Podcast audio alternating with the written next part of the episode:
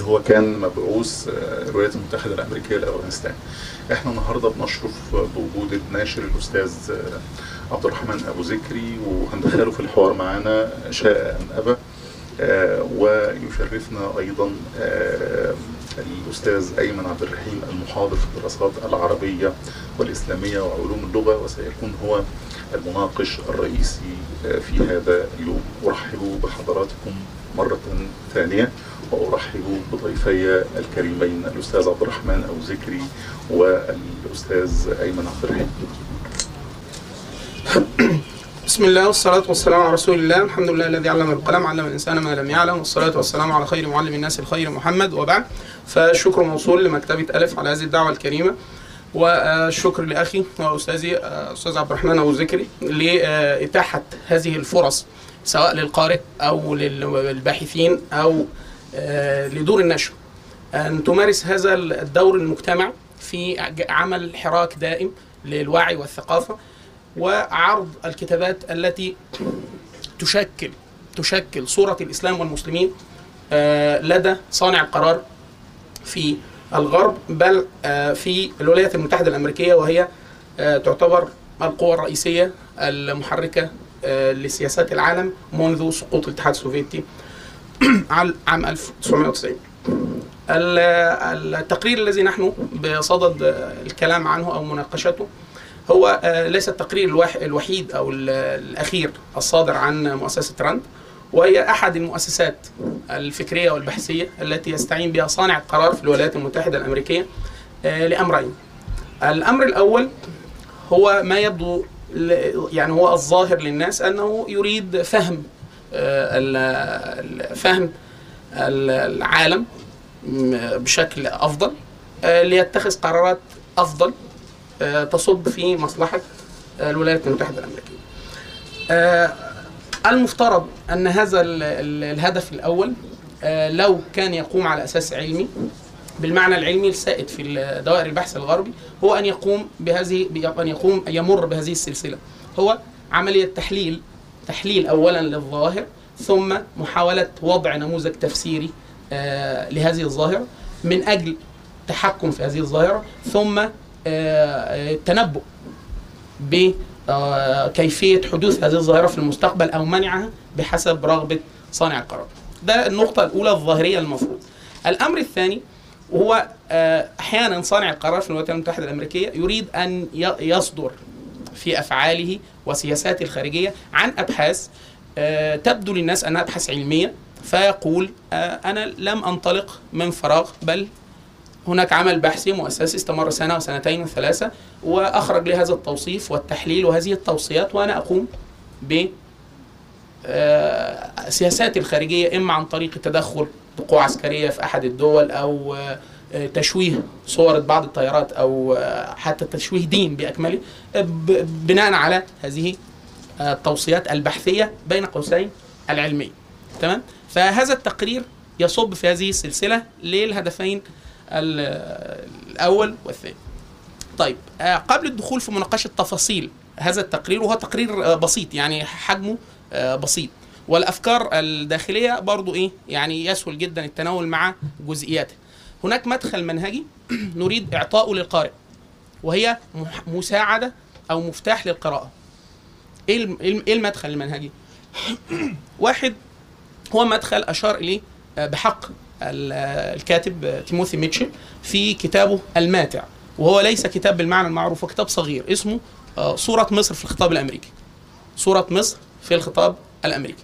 والكتاب الرائع بحق كتاب الأستاذ إدوارد سعيد كتاب تغطية الإسلام أو Covering Islam الكتابين بيعطوا للقارئ للقارئ مدخل منهجي غاية في الجدة وغاية في الدقة للتعامل مع مثل هذه الكتابات آه، مثل هذه الكتابات. مدخل منهجي يعني لن يذكر في الكتاب لا من قبل المؤلف ولا من قبل حتى المترجم.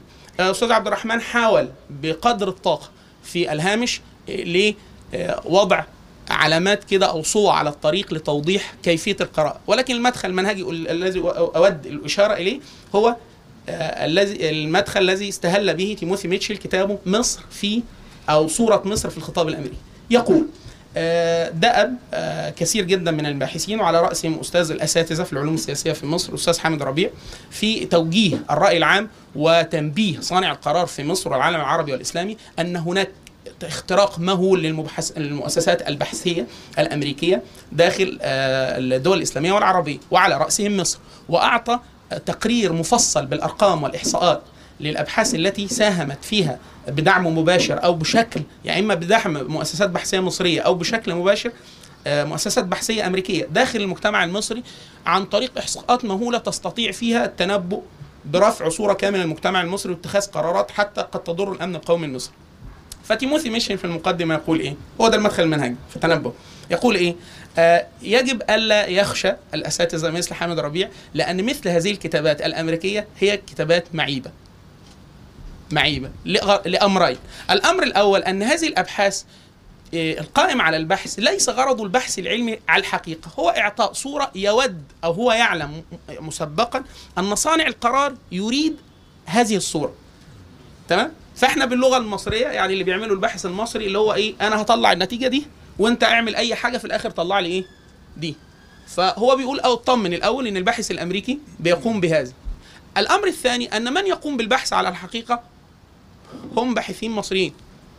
خلاص؟ فبيتناولوا مع البحث برضو على حسب رغبة ال يعني إيه صاحب البحث. فبيعطوا برضو آه، نتائج غير دق... غير صحيحة وغير دقيقة في رفع الواقع الأمر الأسوأ على الإطلاق أن الاستبانات ال- التي يقومون بها داخل المجتمع المصري هي استبانات قائمة على استقراء من بعض النخب المختارة التي لا تمثل الشعب المصري ولا المؤسسات ولا حتى الدولة. خلاص؟ فبتخرج هذه الأبحاث معيبة إلى درجة تشكل واقع مصطنع. مصطنع. يعني ده ده المجتمع هو عشان كده سماه صورة مصر في الخطاب الأمريكي. دي صورة بس. طب هي الحقيقة فين؟ حاجة تانية خالص. هو نفس المنهج هو نفس المدخل المنهجي الذي أشار لي الأستاذ إدوارد سعيد في كتابه تغطية الإسلام. هو است است يعني تعمد أن يختار هذا العنوان ال- الملبس كفرنج اسلام حتى بالانجليزيه لأنه كفر ده إيه؟ اللي هو التغطيه التغطية الإعلامية الحقيقية ولا التغطية من باب إيه؟ تغطية اللي هو إيه؟ طمس. آه طمس الصورة الحقيقية. يعني دي صورة مصطنعة. اللي هو إيه؟ وضرب مثال فج ب- ب- بال- الذي قامت به دور البحث ومؤسسات الإعلامية الكبرى للدولة والقطاع الخاص في أمريكا بعد قيام الثورة الخمينية في إيران عام 79 الأمريكا كل الأبحاث والتصريحات السياسية قبل قيام الثورة الإيرانية أنهم قاموا برفع الواقع الواقع الإيراني لديهم تصور واضح واضح وقطعي يصرحون به على رؤوس الناس أن إيران هي واحة الديمقراطية في عالم مضطرب داخل إيه؟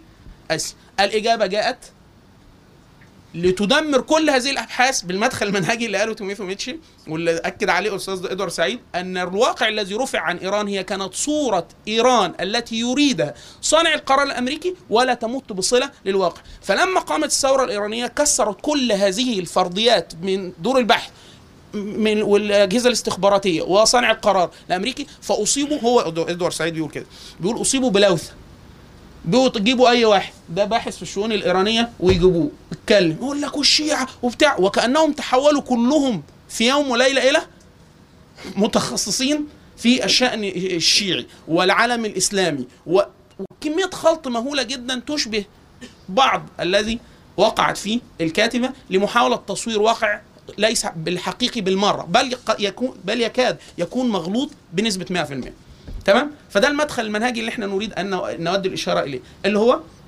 أن الباحث العربي المسلم وهو يتعامل مع مثل هذه الكتاب الكتابات يجب أن يتنبه. أول حاجة أن يتخلص من عقدة الورق الأسود على الأبيض اللي هو أي حاجة مكتوبة في كتاب يبقى حاجة دي مكتوبة في كتاب يعني مهمة. وكمان مكتوبة في كتاب وصدرت عن باحث آه، مؤسسة بحثية ال- مهمه أو كذا يبقى ده كلام مهم أو كلام حقيقي. الأمر الأخطر من ده إن هو يتعامل معاه على أساس إن هو إيه؟ يعني آه يعني ده برنامج حقيقي ومصاب بحالة إيه؟ يقول لك إيه؟ دايما أنا أقول إن هو عقدة العالم الإسلامي من 200 سنة ولا حاجة اللي هو الكتابات هم بيخططوا ضدنا. طب هم انت مصر يعملوا إيه؟ يعني واحد نازل يلعب كرة قدم يقول لك إحنا اتهزمنا. ليه؟ أصل كانوا بيخططوا ضدنا. طب هم أكيد نازلين يعملوا كده. خلاص فالتعامل مع أحيانا مع هذه الكتابات بيأتي على ردود أفعال مختلفة. للبعد عن المدخل المنهجي الذي أشرنا إليه، إما عن طريق التهويل الشديد جدا إن هذه الق- القراءة قراءة صحيحة وسوف يتم تنفيذها وده حاجة مش لا يعلم أن صانع القرار صانع القرار الأمريكي ممكن يأخذ بها أو لا يأخذ بها أو هي أصلا تكون محل نقد شديد جدا في ال- الاروقه الأكاديمية في الغرب. ده واحد. اتنين إما باستخفاف شديد جدا استخفاف شديد جدا اللي هو إيه ممكن واحد يفهم من كلامي إن هو ما دام الكلام اللي في الكتاب غلط يبقى إيه؟ لا مش صحيح لأنه ممكن الإدارة الأمريكية تعلم وهي تأخذ هذه التقارير. أحيانا تقارير علمية أو استخباراتية أو سياسية. تعلم إن هي خطأ 100% زي تقارير ضرب العراق وهي تتبنى هذه التقارير. من باب إذا تمت محاكمات إما في المحاكم الأمريكية أو في المحاكم الدولية ان إحنا صدرنا عن معلومات. معلومات وأبحاث تأخذ نفس الثوب العلمي الرصين أو الأكاديمي. تمام؟ المفروض أو في وجهة نظري الشخصية أن يتعامل الباحث العربي أو القارئ العربي المسلم مع مثل هذه الكتابات بشكل متزن. ليه؟ لأنه في في معايير أكاديمية علمية ممكن عرض عليها أي كتابات حتى لو صدرت من مؤسسات بحثية ضخمة. وهنعطي أمثلة في الكتاب للقارئ العادي مش القارئ حتى يعني المدقق جدا تدل على فكرة إن هذا التقرير آه، مر على أجهزة أجهزة المفروض بحثية رصينة وأكاديمية وروجع وكذا في معلومات بديهيات الدرس الأكاديمي الغربي في تناول الإسلام والجانب الفقهي والجانب التشريعي والعقدي في الإسلام يعلم أنه خطأ بنسبة 100% يعني مش في لا نسبة صواب وخطا له خطأ نسبة 100% تمام؟ طيب. الكتاب بشكل مختصر فكرة الكتاب أو فكرة التقرير هذا التقرير بالذات فكرة تقرير آه، شيريل بينر إن هي عايزة تعمل إيه؟ إن هي بتقول لصانع صانع القرار في أمريكا والله إحنا دلوقتي قدام آه، مشهد إسلامي مضطرب جدا في العالم الإسلامي كله وكثير جدا من الأفكار والمذاهب والجماعات. أنا عايز أعمل لك مانيوال أو طريق أو خريطة قراءة لهؤلاء الأشخاص. إيه الغرض؟ ان أنا هقسم لك مجموعة من القضايا هعتبرها قضايا مفتاحية. وبعد كده أعرض لك موقف اللاعبين الأساسيين في الطيف الإسلامي العريض. هي ودي من حسنات الحسنات الوحيدة يمكن اللي طرحها إن هي بتقول إن هذا التقسيم اللي هيأتي في الكتاب وياتي ذكره الآن ليس تقسيم دقيق رياضي. لا ده طيف طيف كبير كده. فأنا هقول لك إن القضايا دي أول ما تسأل الواحد واحد اثنين ثلاثة أربعة في هذه القضايا بحسب الإجابة يأتي توصيفك ليه ثم طريقة التعامل معاه اللي هو هتذكرها في الاستراتيجيات بتاعه إيه؟ التعامل. بس. ثلاث محاور عرض القضايا المفتاحية ثم آراء اللاعبين الأساسيين ثم استراتيجيات التعامل من وجهة نظر إيه؟ الكاتب. بتعرض هي القضايا الأساسية إن هي القضايا الأساسية الأسئلة لما تسأله أول ما يجاوب هنعرفه قول له إيه موقفك؟ واحد من الديمقراطيه أو هذا مما يمتحن عليه الناس. يعني اسأله تشهد أن لا إله إلا الله محمد رسول الله الديمقراطية وب... خلاص ما أنت مسلم آه. إيه الديمقراطية عندكم الديمقراطية والحداثة. قول لي موقفك. اثنين تعدد الزوجات. ثلاثة الحدود. أربعة ضرب الزوجات. خم... سمت ست قضايا. بالرغم من الست قضايا دول ست قضايا دول يمكن اختيار. أنا لو أنا اللي هختار يعني. اختار لها ست سبعة قضايا. أهم بكتير من كده. صحيح. يعني إيه؟ حتى القضايا يعني ضرب الزوجات. هل يعني هل هل استراتيجية أقوى قوى عسكرية وسياسية في العالم يمكن أن يقدم لها تقرير استراتيجي؟ موقفها من الحجاب وضرب الزوجات؟ عشان فيمينست هي طبعا زي ما أستاذنا الاستاذ عبد الرحمن بيقول إن هي إيه أصلا هي نسوية أو من المتمركزين حول الأنثى فإيه حاسة إن هي دي يعني هي طبعا بتنطلق من خلفيتها هي فهي بتقول إيه لا دي مهمة. لا مهمة جدا خلاص. يعني حد أكنه أبو والده كان بيعذبه وهو صغير فإيه عمل تقرير بعد كده اسالوه والده بيعذبه ولا لا حاجة زي كده. فهذه الست القضايا المفتاحية اللي هي حطيتها في التقرير. وبعد كده قسمت الطفل الإسلامي الكبير إلى أصوليين قسمتهم جزئين بعد كده تقليديين جزئين آه، حدثيين جزئين العلمانيين جزئين. كل واحد في الطيف تقول لو هو في أقصى الطيف يبقى قريب من اللي قبله. لو هو في أدنى الطيف أو في أسفل يبقى إيه؟ ممكن يلحق به اللي بعده. وممكن إيه؟ يحصل تداخل. في الآخر يعني عايزة تقول إن التقسيمة دي برضو إيه؟ مش أكيدة. هنمتحنهم في حاجات تانية. تمام؟ وبعد كده استراتيجية. للتنفيذ. هي طبعا شايفة إن أخطر شيء ممكن على الإطلاق وموجود في الإسلاميين اللي هم مين؟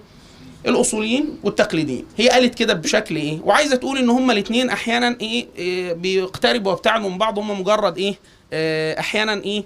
بيبقوا متبنين نفس الآراء بس واحد بيقولها بتلطف والتاني إيه؟ بيقولها إيه؟ بفجاجة.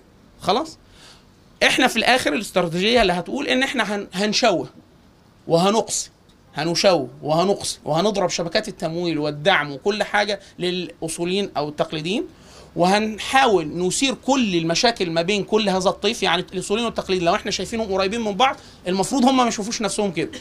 نضربهم في بعض وبعد كده ندعم اللي إحنا شايفينه أقرب حاجة لينا. هي في الآخر هتقول بالرغم إن أقرب ناس لينا هم العلمانيين لكن ما لهمش أي شبكات اجتماعية وهم ممجوجين وخطابهم سيء جدا. إحنا عايزين حد يخاطبهم خطاب إسلامي إسلامي. يعني إحنا عايزين إسلام زي ما قال أستاذنا كده إحنا عايزين إسلام. الإسلام التي الذي تريده أمريكا هو الإسلام يخاطب نفسه من الداخل. يعني أمريكا هتختار أنا دايما بقول كده آه، آه، اللي هو الكتاب اللي كنا حاطينه وضعنا كتاب متخيل طبعا. حطينا اسم كتاب وأنا واخونا عبد الرحمن وصديقنا الفرنسي ستيفان لاكوا اللي هو كتاب الحاوي في اختيارات المخابرات الاربع كتاب فقه جامع إن هو إيه؟ بنضع فيه توصيف للإسلام توصيف جديد بحسب اختيار المخابرات الأربعة المخابرات البريطانية الأمريكية المصرية والسعودية. اللي هو إيه, إيه؟ عايزين الدين يبقى شكله إيه؟ حط الفروع وبعد كده يصدر هذا الكتاب ويصير إيه؟ آه، يعني إيه؟ مانيوال للتعامل. هو ده اللي إحنا الإسلام الحاوي في اختيارات المخابرات الأربعة. خلاص؟ الكتاب ده إحنا بنعمل عليه إن شاء الله. هو طبعا كتاب متخيل اللي هي فكرة الكاتبة. إن هو إيه؟ هي هتبدأ تنصحنا بقى في الاختيارات بتاعتها اللي هو إيه؟ ما هو الإسلام الذي تريد. طيب.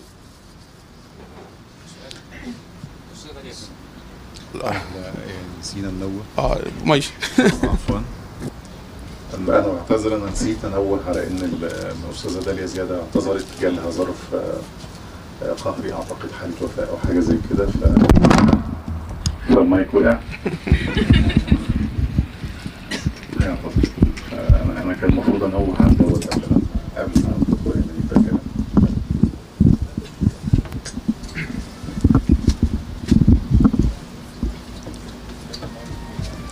طيب. محاولة بسيطة لاستعراض استعراض مدى فهم أو مدى تطابق الصورة اللي هي بترسمها ال- الباحثة آه، لصانع القرار عن الاختيارات اللي هي هت هت يعني هتبني عليها اختياراتها وتوصيفها أثناء الكتاب خلاص؟ أول حاجة آه، قبل قبل ما ندخل في الاختيارات آه، نقطة مهمة جدا في الأرضية اللي بتنطلق منها ودي أحيانا بتبقى مخيفة آه، زمان الواحد كان بيعتبر إن هي مش مخيفة دلوقتي بقت مخيفة جدا فكرة إيه؟ آه، انضغاط العالم الإسلامي تحت ضغط الواقع يعني أنت بتتسأل الإجابة فبتبقى مضطر إن أنت تجاوب الإجابة إيه؟ حاجة من الاختيارات اللي بتتعرض يعني يقول لك إيه؟ إيه موقفك من الديمقراطية؟ فأنت لازم تجاوب ليه؟ لأن دي حاجة بتمتحن عليها الناس. خلاص؟ الإجابة إيه؟ أنا عندي إجابة لطيفة جدا على اللي كتبته الباحثة. أنصح كل ال- القراء والحضور ان هم يقروه آه، معرفش الد- الدراسة صدرت بالعربية ولا لا لكن هي نوقشت في جامعة كاليفورنيا وصدرت بالإنجليزية. أستاذنا الدكتور شريف آه، سيف الناصر في اقتصاد وعلوم سياسية القاهرة قسم ال- العلوم الاجت... ال- يعني علوم الاجتماعية أو السياسية بالإستعانة بالحاسب الآلي. آه، راجل مصري مسلم الإشكالية دي وكأنها مطلق زي ما أستاذنا قال مطلق. يعني زي الليبرالية كان مطلق خلاص؟ فقال لهم أنتوا عايزين إيه من العالم الإسلامي؟ قالوا الديمقراطية. دي قيمة عالمية. أنتوا إيه رأيكم فيها؟ قال لهم مين قال لكم إنها قيمة عالمية؟ قالوا إحنا بنقول كده. خلاص؟ فخد إيه؟ بصوا طرافة ال- البحث. ودي أول نقطة قضايا من اللي هي اختبرت عليها الحركة الإسلامية أو الإسلاميين أو ال- الاسلام المسلمين كلهم. الدراسة تصدر من الآتي. يعني دراسة إحصائية يا اخوانا يعني إيه إحصائية؟ يعني الجانب الفلسفي فيها ضعيف ده هو هيستقرئ نتائج ويخرج بها بإحصاء. اللي هو إيه بي بي مفضل عند ال- الأمريكان بالذات. قال لهم أنتوا بتقولوا فين الدول اللي أنتوا شايفينها نموذج يحتذى بيه؟ أنتوا وقفتم على الاختيار الديمقراطي عندهم. قالوا له لا إحنا في كتير قوي. فين الكتير؟ سموا أش... سموا دول في أمريكا اللاتينية في شرق في شرق أوروبا وفي العالم الإسلامي العربي وفي آسيا. راح عمل لهم إيه؟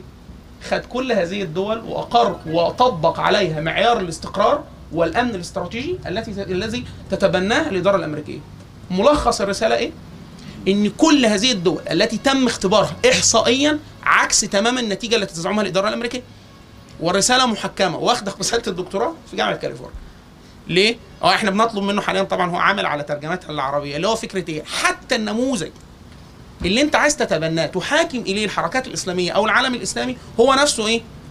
لمعاييرك. أنا أنت بتقول لي لو مستقر يبقى شكله إيه؟ أدي صح. تشيك ليست كده. خلاص لو هو تعددي أهو. لو هو عنده رخاء لو هو عنده تنمية هو ده ده المعيار راح طبقوا على كل الدول اللي هو يدعي نجاح النموذج فيها. والنتيجه طلعت إيه؟ صادمة بل عكسيه ده واحد. اتنين الفرضية الأخرى اللي هي بتنطلق برضو منها من الخيار الديمقراطي أو خيار اللي هو إيه الأصوليين دول هم إيه إشكاليتها مع الأصوليين إن هم برضه في وجهة نظر إن هم عايزين دولة هرمية سلطوية مستبدة. خلاص؟ فالاستبداد ده دايما بيجيب تخلف وما بيجيبش تنمية وضد الديمقراطية. خلاص؟ فالنموذج اللي هو إيه النموذج المستفز جدا لهذه الطرح الطرح هو إيه؟ حزب الشيوعي في الصين. حزب الشيوعي الصيني يعني لغاية تقريبا عام 1989 لم يكن في الصين قانون جنائي.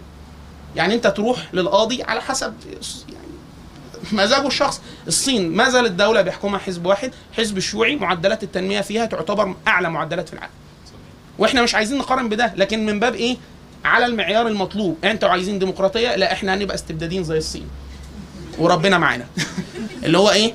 ما هو مش ده النموذج التنموي. هل هو ده المحك؟ لا. طب أنا أجيب لك نموذج أهو. استبداديين بس مش زي الصين. قال لك آه إحنا كل واحد النموذج بتاعنا فعلا. إحنا نسق النموذج الاستبدادي بتاعنا. خلاص إحنا بلد الريادة.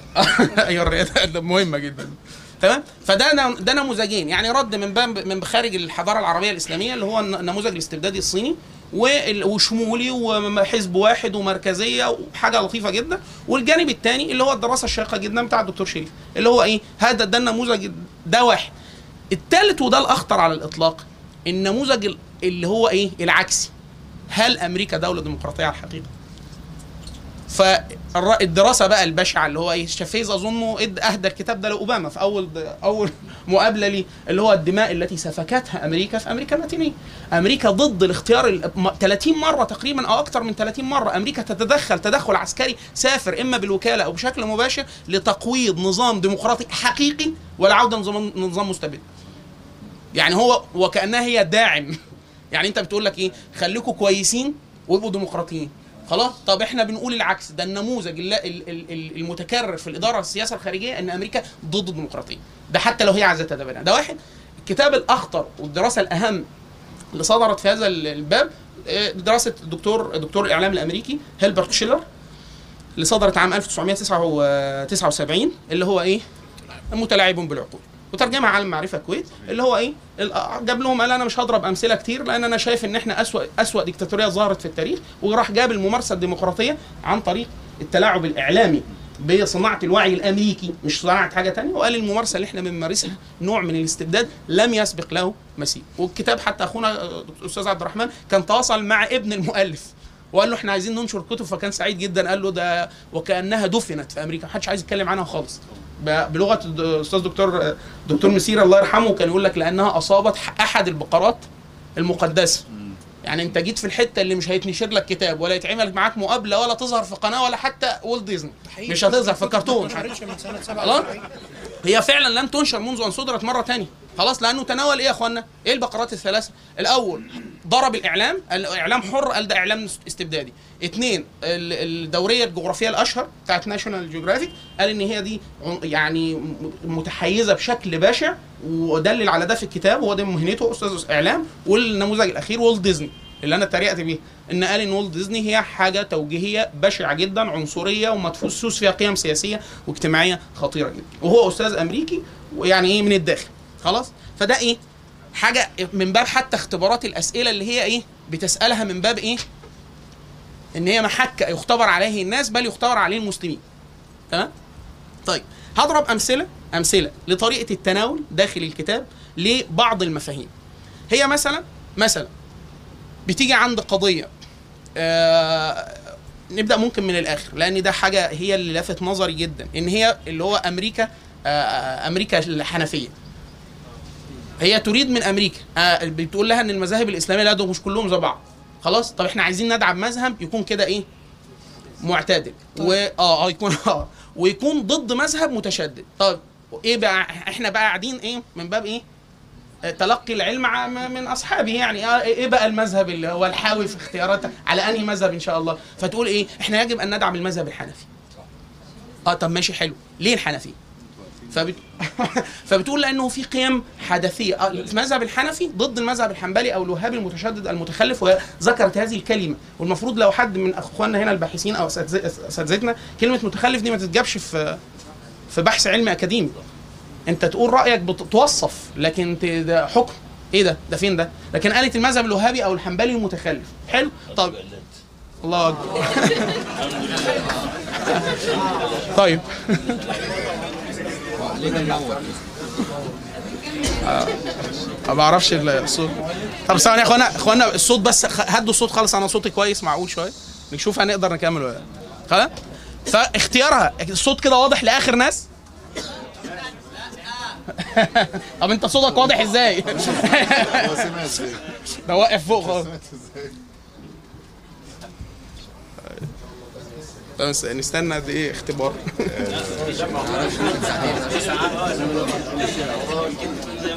ضد غير المسلمين وأحيانا ضد المسلمين وخاصة في قضية التكفير هو أعلى بكثير جدا من اختيارات سواء الوهابية أو الحنابلة يعني المذهب الحنفي لكم أن تتخيلوا يعني واحد قال مسيجيد مصيحيف قد يكفر عند علماء. الأحناف لأنه ده في نوع من الاستهتار بالديانة أما الوهابية والاحنابله فهم أقل درجة بكثير جدا وإن كان عندهم غلو بعض غلاة الحنابلة أو كثير جدا من أتباع المذهب ال ال الوهابي لإيه؟ في قضايا في نفس القضايا بالنسبة للاحناف أشهر فتاوى ضد غير المسلمين بسبب الاستعمار الإنجليزي لشبه القارة الهندية جاءت من علماء الأحناف ولهم تراث مكتوب. ومجموع في المجموع الكبير جدا الت- ال- ال- التتار خانيه خلاص؟ مذاهب المذهب الحنفي قد تكون معادية على طول الخط بشكل غاية في الحساسية غاية في الحساسية لغير المسلمين حتى بتقفل أحيانا أبواب قد يفتحها كثير جدا من المذاهب الأخرى. في فتوى غريبة جدا في المذهب الحنفي إن إن مال إن إن سارق مال المستأمن لا يحد لا يقام. عليه. عاوز زي ما بيقول يعني إيه؟ أدي اختيار من سمي سارق مال المستأمن لا يحد. يعني يعني أنا دل- دلوقتي واحد كافر استأمنته جه واحد مسلم سرقه. اعمل إيه؟ الاحناف يقول لك لا ليس عليه شيء. خلاص؟ وعلى وعلى العكس القصد إيه؟ ان كل المذاهب الإسلامية الاختيار اللي هو إحنا لازم ن- نساعد المذهب الحنفي. ليه بقى المذهب الحنفي؟ يعني إيه التفاصيل اللي هي اعتمدت على ده؟ هو وكأنها من أخبرها من الباحثين الفرعيين اللي تحتها إن المذهب الحنفي إيه؟ حلو. فايه؟ والعكس بالعكس يقول لك هاتلنا من ده. هت آه. ولا الع- والعكس إن تبني المذهب الحنبلي والوهابي آه مذهب عنيف جدا طيب أكبر أكبر أكبر تحالف سياسي طويل المدى منذ آه، آه، صعود أمريكا بعد زوال الإمبراطورية البريطانية ما بين ما بين السعودية الوهابية الحنبلية يعني كل الاختيارات الاختيارات أمريكا داعم على طول الخط خلاص فالخيارات الاجتماعية للحنا. على أن نقول الاختيارات السياسية للوهابية طيب تتماشى تماما مع السياسة الأمريكية. تمام؟ فحتى الخيارين معكوسين. أسوأ من هذا الاختيار الفقهي يعني الأحناف والحنابلة ده اختيار فقهي. آه، الطرافة في إيه؟ ان كل كل المذاهب الإسلامية آه، هتلاقيه هتلاقي واحد على الأقل أو اثنين أو ثلاثة من داخل المذهب يقول في القضايا الأساسية بالذات تعدد الزوجات تعدد الزوجات وضرب الزوجات والقيم الأخرى يقول بما تكره بما يعني لازم لازم يا إخوانا المذهب كل المذاهب بهذه الطريقة. هيلاقي بالذات لأن المذاهب الفقهية واسعة جدا. خلاص؟ الأسوأ من اختيار المذاهب الفقهية إيه؟ اختيار التصوف. هي بتقول إن إحنا عايزين عشان عايزين ننشر قيم الديمقراطية والحداثة والتنوير فإحنا عايزين إيه؟ نساعد نساعد انتشار التصوف أو أئمة التصوف. طيب أكبر تراث خرافي خرافي مضاد لقيم الحداثة والعقل والتنوير هو التراث الصوفي. خلاص؟ يعني في كميه كمية النصوص المكتوبة في التصوف قديم وحديث وحتى هذه اللحظة لا يتعارض مع بدهات العقل وبدهات العلم الحديث وبدهات ال- المنهج ال- حتى ال- ال- التجريبي في في الع- في العلم آه، من أدبيات التصوف. خلاص؟ فهي جت عند الاختيارات يعني عارفين يعني خدت أسوأ اختيارين فقهي واختيار سلوكي أو عقدي أو فلسفي واختارتهم. من باب اللي هو ده, ده هي كده بتنصح صانع القرار. يعني بتقول له سيبك من الحنابلة خليك في الأحناف وسيبك من دول خليك في التصوف. وكأن ال ال ال الإجابتين عكس بعض. يعني أنت عايز قيم تعد... قيم ديمقراطية وحدثية ولا عايز آه، خرافية؟ فبيقول لأ أنا عايز إيه؟ حدثية. عشان كده هتختار إيه؟ هختار التصوف. يعني إيه؟ العكس. الأسوأ من ده لو أنا عايز يعني من باب التنكيد التاريخي ال- الموجة الاستعمارية اللي هي يعتبر أمريكا امتداد ليها الموجة البريطانية أكتر صدام لبريطانيا أكبر صدام لبريطانيا. حدث في معظم أطراف العالم الإسلامي وبالذات قارة أفريقيا وال- وشبه القارة الهندية أتى من خلال حركات صوفية مقاتلة كانت تعادي بشكل غير عادي التعامل مع الكافر الأصلي وهم البريطانيين. يعني عندنا الحركه السنوسية في ليبيا عمر المختار. عندنا أئمة التصوف سواء في الجزائر أو في المغرب كان حركات صوفية. أئمة التصوف في الكوديفوار وفي نيجيريا سواء أولاد عثمان بن فودي أو عمر تال برضو كان حركات صوفية. الحركات الصوفية في الصومال. الحركات الصوف المهدي السوداني. خلاص؟ فاللي هو يعني الاختيار إيه؟ ده بتقدم لصانع القرار. خيار مغلوط تاريخيا مغلوط من الناحيه الأكاديمية من الناحيه الأدبيات يعني أدبيات التصوف. والغريب إن هو مر مر ونشر ك ك ك كمخاطب مخاطبة لإيه؟ لصانع القرار يأكد اللي أنت قلته في الأول إن هو تأصيل. إن هو بس بيقدم له اللي هو آه اللي هو عايز إيه؟ يجيب اخير في قضيه قضية مهمة جدا أشارت ليها قالت إيه؟ هي بتدلل على إن الإسلام المسلمين كلهم سواء الأصوليين أو التقليديين أو كذا حتى وان بدوا غير قابلين للتشكيل أو الاعتدال بالمفهوم الأمريكي ولكن في قضايا الآن المسلمون جميعا جميعا يخجلون من مناقشتها أمام العالم وما فيش ولا واحد يدافع عنها. يعني التعدد الزوجات وضرب الزوجات قالت لا ده لغاية دلوقتي الأصوليين المتشددين المتخلفين هم والتقليديين بيدافعوا عنها. طب إيه اللي ممكن ما يدافعوش عنها أي حد؟ راح جاب إيه؟ قضية الرق. قالت الرق لا يمكن لا يمكن نجد واحد في هذا في التاريخ المعاصر مع- معناها إن هم إيه؟ بيعودوا مرة أخرى لعدم النظر للإسلام إن هو منهج شامل يتجاوز الزمان والمكان وممكن يتبرؤوا حاجة أو يتكسفوا إن هو يناقشوها. ولا تعلم إن عدد الأدبيات المكتوبة في التاريخ المعاصر من أساتذة جامعيين ورسالات محكمة لقضايا الرق ومناقشتها فلسفيا من باب فلسفة علم العقاب وعلم الاجرام وفلسفة العقاب في القانون الوضعي والشريعة أنه حتى هذا اللحظة في العالم مقبولة من ناحية فلسفة القانون. من ناحية فلسفة القانون. يعني الرسالة الأشهر على الإطلاق الدكتور للشيخ محمد البهي اللي هو الرق الإسلام الإسلام والرق. أصل فيها من الناحيه الشرعية ومن الناحيه الفلسفية ومن ناحية تاريخ الرق في العالم في العالم الإسلامي والعالم الغربي أن هذه الفلسفة لأي واحد دارس للقانون وفلسفة العقوبات والإجرام إنها مقبولة حتى الآن. إزاي؟ واحد يقول لك إزاي؟ أن هذه الصورة موجودة حتى الآن بصورتين واحدة فيهم فجة معيبة جدا وفي صورة تانية مقبولة بس بتمارس تحت بس تغيير الاسم. اللي هي إيه؟ اللي هي إيه؟ أنا بقول لك أنا حاربت واحد. خلاص الحرب وأنا هقتل كل اللي يقع تحت إيدي. ووقع تحت إيدي 5 مليون أو 2 مليون أسرى حرب. خلاص؟ ومش هبادلهم. أعمل إيه؟ فواحد بيقول أقتلهم. خلاص بيقول لك إيه ده؟ مفيش رحمة مفيش آه، اتفاقية فيينا الاسرى وبتاع. خلاص هشغلهم. خلاص؟ وهو ده أقرب لعقد الاستكتاب في الإسلام. إن أنا مش هقتله وهو مش هينفعني ولا يقدر يفدي نفسه. فأنا مش عايز أقتله ومش قادر يديني فلوس وأنا كده خسران بسبب القوى البشرية المهدرة. أعمل إيه؟ فبستكتبه فترة إن هو يقعد يقوم بأعمال بدنية وكتابية وكذا وبعد كده استكتبه عقد لو. لو العمل ده بمقابل قيمة مالية برجعه تاني. هذه الفلسفة موجودة حتى الآن في الحروب وفي التشغيل بتاع العمالة اللي هي الم- المقصورة. ده موجود حتى في الحروب الحديثة. الجانب الأسوأ على الإطلاق اللي هو جانب الرقيق الأبيض. في أكتر من من من 300 مليون في العالم رقيق أبيض بالمعنى الرق القديم بل أسوأ. في تجارة البغاء في العالم. خلاص معظمها بيدور في الآخر بيصب في الولايات المتحدة الأمريكية. ومصر من أهم دول المعبر. ما بس إحنا معبر بس يا مش خلاص طبعا المصدر الرئيسي آه، شرق أوروبا والجمهوريات السابقة للاتحاد السوفيتي. تمام؟ اهم الوجهات إسرائيل. لا إسرائيل برضو معمر تجارة عالية جدا. فهو حتى القضية اللي هي ظنت إن مش ممكن لو يعني زي قضية الديمقراطية اللي هو أنتوا ديمقراطيين ولا لا؟ هو مين قال لك ان أصلا إحنا متفقين إن القيمة جي جيدة أو ج- أو الناس تختبر عليها اثنين السؤال الأصعب اللي هي شايفاه في الكتاب هي جزمت بده. قالت لا يمكن أن يكون واحد من المسلمين. هي أنا كان نفسي أكتب في الهامش كده مكان أستاذ عبد الرحمن أجيب أسماء بس الرسالات ماجستير ودكتوراه والابحاث اللي مكتوبه عند اساتذه م- ازهريين وكبار في العالم الإسلامي مسموعين زي الأستاذ محمد البهي أو الشيخ محمد البهي آه إن هو مين قال لك إن الموضوع تم تجاوزه؟ أو إن هو يعتذر عنه؟ أو إن هو الإسلام نقدر نقول لا لا ده حاجة كانت زمان ومتخلفة أو كذا. حتى قضية الرق نفسها من باب فلسفة إيه؟ القوانين الوضعية والعلم العقاب وعلم الإجرام وقانون الحروب. خلاص؟ فده ده إيه؟ حاجة من باب ال- ال- اللي هو إيه يعني حتى الحتة اللي هي شافت إن هي مقطوع بيها محدش هي هيناقشها فيها. يعني. الأخير الأخير مفهومها تصورها لأن المسلمين شايفين إن هو وكأن النص الاسلام النص القرآني بالكتاب الكتاب والسنة أو الكتاب صحيح السنة إن هو نص منغلق لا يقبل التمدد. وإن شايفة حتى محاولة الاجتهاد اللي كذا مرة تعقبها أستاذ عبد الرحمن بيقول هي حتى مش فاهمة إن الآلية دي موجودة ومش عارفة تسميها. الحمد لله.